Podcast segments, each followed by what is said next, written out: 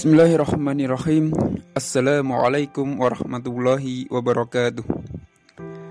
Innal hamdalillah nahmaduhu wa nasta'inuhu wa nastaghfiruh wa na'udzu billahi min syururi anfusina wa min sayyiati a'malina.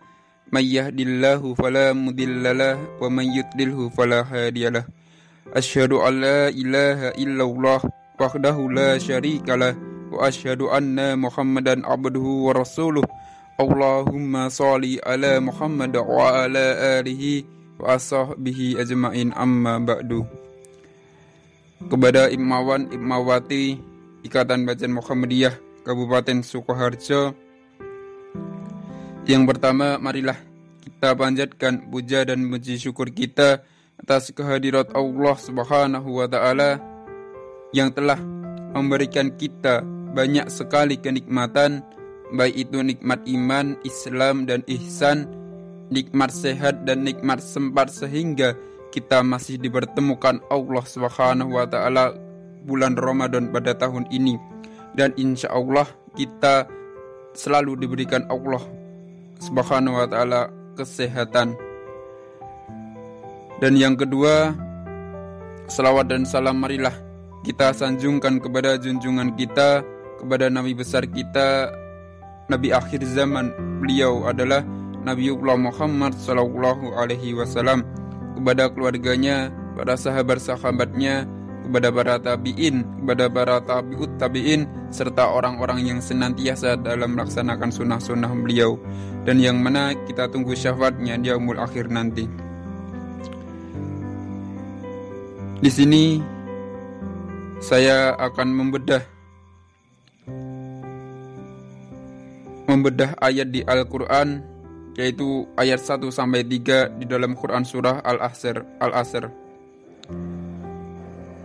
Sebelumnya saya bacakan dulu Bismillahirrahmanirrahim wal as innal insana lafi khusr إلا الذين آمنوا وعملوا الصالحات وتواصوا بالحق وتواصوا بالصبر yang artinya demi masa. Sungguh manusia berada dalam kerugian, kecuali orang-orang yang orang-orang yang beriman dan mengerjakan kebajikan serta saling menasehati untuk kebenaran dan saling menasehati untuk kesabaran. Quran surah Al-Asr ayat 1 sampai 3. Allah Subhanahu wa taala memulai surah ini dengan sumpah. Setiap kali bersumpah, Allah Subhanahu wa taala selalu menyebut salah satu makhluknya. Hal itu disebabkan tidak ada selain Dia kecuali makhluknya. Pada ayat pertama, Allah Subhanahu wa taala bersumpah dengan menyebut masa. Masa berarti waktu yang dilalui, waktu yang dialami seseorang. Apabila Allah Subhanahu wa taala bersumpah dengan makhluknya, berarti suatu isyarat bagi Rasulullah Shallallahu Alaihi Wasallam dan orang yang beriman agar memperhatikan terhadap makhluk yang digunakan untuk bersumpah. Dengan demikian, maksud ayat pertama surah ini ialah agar Rasulullah Shallallahu Alaihi Wasallam dan orang-orang yang beriman lebih memperhatikan masalah waktu. Akhirnya, orang-orang yang beriman yang lebih memperhatikan masalah waktu dapat atau mampu mem memanfaatkan waktu dengan sebaik-baiknya untuk hal-hal yang terpuji sesuai ajaran agama Islam. Teman-teman, jika kita sadari atau tidak, waktu tidak akan berhenti walaupun sedetik, apalagi terulang. Malam hari ini bukanlah malam hari yang kemarin dan bukanlah pula malam hari yang esok. Pekan ini bukan pekan kemarin, bukan pula pekan yang mendatang. Dan pada ayat kedua dijelaskan bahwa kebanyakan manusia dalam keadaan merugi. Jika kita melihat kenyataan hidup ini, ternyata banyak manusia yang merugi dibanding dengan manusia yang beruntung.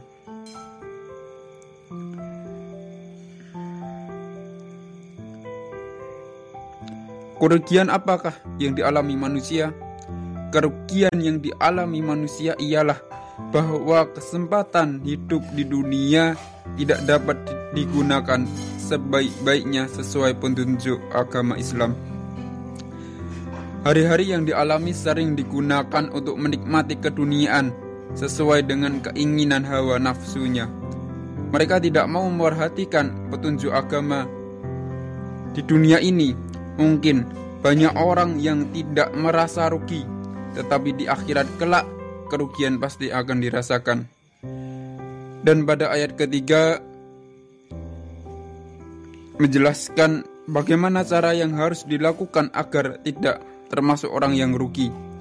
Pada ayat ini ada tiga syarat agar tidak menjadi orang yang rugi. Yang pertama adalah beriman dan beramal soleh. Beriman berarti meyakini bahwa manusia hidup di dunia ini karena kehendak Allah Subhanahu wa taala. Manusia harus tunduk dan patuh kepada Allah yang mencipta, memberi rezeki, dan memeliharanya sampai saat yang ditentukan. Hanya dengan iman, manusia dapat menyadari keberadaannya hidup di dunia ini. Setelah kita memiliki keimanan, seseorang harus membuktikannya dalam perbuatan, yaitu beramal soleh, berbuat atau berbuat kebajikan. Yang di, yang dimaksud kebajikan di sini ialah semua perkara yang sesuai dengan ajaran agama Islam. Suatu perbuatan yang dikatakan baik oleh manusia belum tentu baik di hadapan Allah Subhanahu wa taala. Baik dan buruknya suatu amal yang harus dijadikan ukuran adalah Allah Subhanahu wa taala dan rasulnya. Iman dan amal soleh adalah satu kesatuan yang tidak dapat atau yang tidak bisa dipisahkan. Iman tanpa amal soleh tidak cukup dan sebaliknya amal tanpa iman tidak berarti di hadapan Allah Subhanahu wa taala. Dan yang kedua agar kita tidak menjadi orang yang rugi yaitu saling menasihati tentang kebenaran. Syarat kedua ini syarat kedua agar tidak tergolong orang yang rugi adalah saling menasihati tentang kebenaran. Yaitu uh, dengan kesediaan kita untuk menerima dan memberi nasihat tentang kebenaran. Jika kita sadari atau tidak teman-teman, Manusia pasti mempunyai banyak kekurangan dan kesalahan. Hanya saja orang oh, hanya orang sombong yang tidak mau mengakui bahwa dalam dirinya itu mempunyai kekurangan dan kesalahan. Orang yang mengaku beriman harus mau menerima dan memberikan nasihat menuju kebenaran. Dengan kesediaan menerima dan memberi nasihat tentang kebenaran, manusia dapat hidup rukun dan baik Kebenaran yang dimaksud di sini adalah kebenaran yang sesuai dengan ajaran agama Islam. Dan syarat yang ketiga, agar kita tidak menjadi orang yang rugi adalah saling menasihati tentang kesabaran. Teman-teman, ya, sabar itu adalah perkara yang mudah diucapkan tetapi sulit untuk dilaksanakan. Tidak mudah bagi kita untuk dapat memiliki kesabaran kesabaran perlu dilatih dan dibiasakan dalam kehidupan sehari-hari. Manusia pasti menghadapi berbagai macam persoalan hidup.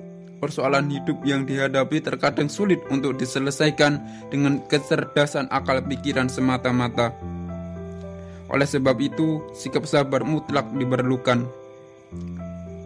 Teman-teman, sabar itu ada tiga macam, dibagi menjadi tiga macam yaitu sabar dalam ketaatan, sabar dalam musibah, dan sabar dari maksiat. Teman-teman, uh, demikianlah uh, pedahayat yang dapat saya sampaikan yaitu tentang Quran surah Al-Asr ayat 1 sampai 3 yaitu tentang masalah waktu.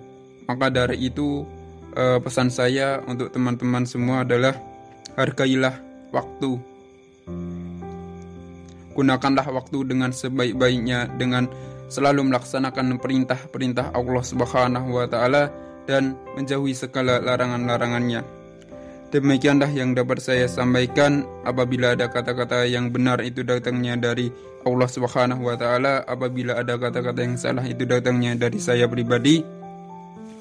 uh, semoga yang dapat saya sampaikan ini dapat uh, bermanfaat khususnya untuk saya pribadi dan umumnya untuk teman-teman sekalian.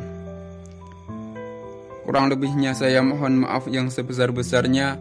Akhirul kalam.